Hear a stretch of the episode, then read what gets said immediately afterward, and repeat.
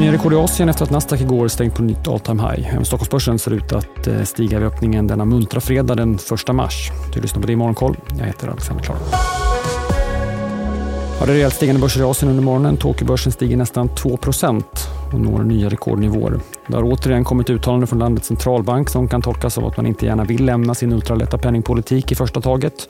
Vid det pågående G20-mötet sa centralbankschefen att det är viktigt att följa årets löneförhandlingar för att vara säker på att inflationen utvecklas åt rätt håll.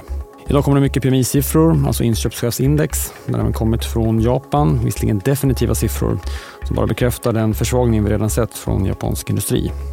Vi har också fått inköpschefsindex från Kina, både från den statliga mätningen och den privata från Caixin. Båda kom in som väntat på varsin sida om skiljelinjen 50. Börsen i Fastlandskina stiger svagt. Samtidigt kommer uppgifter om att flera av landets banker försökt stötta den krisande fastighetssektorn i landet. Det är Bloomberg som rapporterar att eh, bankerna godkänt över 200 miljarder yuan motsvarande nästan 300 miljarder kronor i lån till olika fastighetsprojekt. Vi kommer få inköpschefsindex hela morgonen, senare från Europa och i eftermiddag också från USA. Alldeles nyss från Ryssland som var oväntat starkt, långt över 50. Starkt också nattens BNP-siffra från Indien.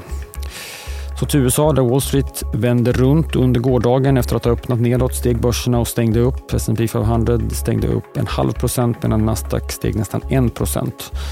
Februari summeras som en väldigt stark börsmånad. S&P steg drygt 5 Nasdaq som nådde ett nytt all time high igår steg 6% under februari. Techbolagen och inte minst AI-relaterat var återigen vinnare. Efter gårdagens inflationssiffra från USA har också flera ledamöter för den amerikanska centralbanken Fed varit ute och kommenterat räntan. Kontentan är att sänkningarna kommer, men att de kanske dröjer. Marknaden har ju backat hela inledningen av året på hur många sänkningar man förväntar sig från Fed. En liten majoritet tror nu på att det kommer en första sänkning vid mötet i mitten av juni. Så till Sverige uppgifterna som kom nära in på Stockholmsbörsens stängning igår att gamingbolaget Embracer kan vara nära att sälja sitt dotterbolag Saber. Det här fick aktien att lyfta rejält de sista minuterna. Enligt uppgifter till Bloomberg så kan prislappen bli närmare 5,2 miljarder kronor. Det är nära vad Embracer köpte bolaget för i en affär med både pengar och aktier på den tiden. Sedan dess har dock Saber gjort flera tilläggsförvärv. Samtidigt kommer uppgifter om även en försäljning av Gearbox. Men ännu så länge obekräftade uppgifter. Embracer vill inte uttala sig om detta. I samband med rapportpresentationen häromveckan så kommenterade Lars Wingefors att man eventuellt är nära att göra några affärer som skulle kunna vara betydande för bolagets skuldsättning. Mer PMI är som sagt att vänta idag. Svensk kommer klockan halv nio. Senast kom Svensk Industri-PMI in på 47,1 vilket var något av ett trendbrott efter att ha förbättrats eh, under vintern. Amerikansk i eftermiddag väntas vara bättre och stiga något till och med till strax under 50. Missa inte Börsmorgon i DTV kvart i nio som vanligt eller välj att lyssna på programmet som en podd. Vi släpper den senare under förmiddagen. Det är Morgonkoll. Gå på helg. Vi hörs igen på måndag. Jag heter Alexander Klar.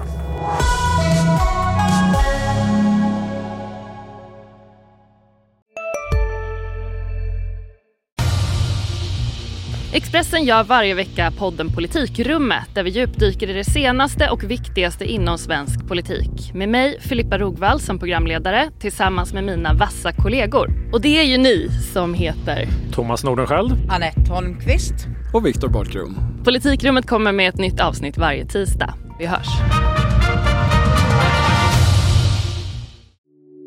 Hej, Ulf Kristersson här. På många sätt är det en mörk tid vi lever i. Men nu tar vi ett stort steg för att göra Sverige till en tryggare och säkrare plats. Sverige är nu medlem i Nato. En för alla, alla för en.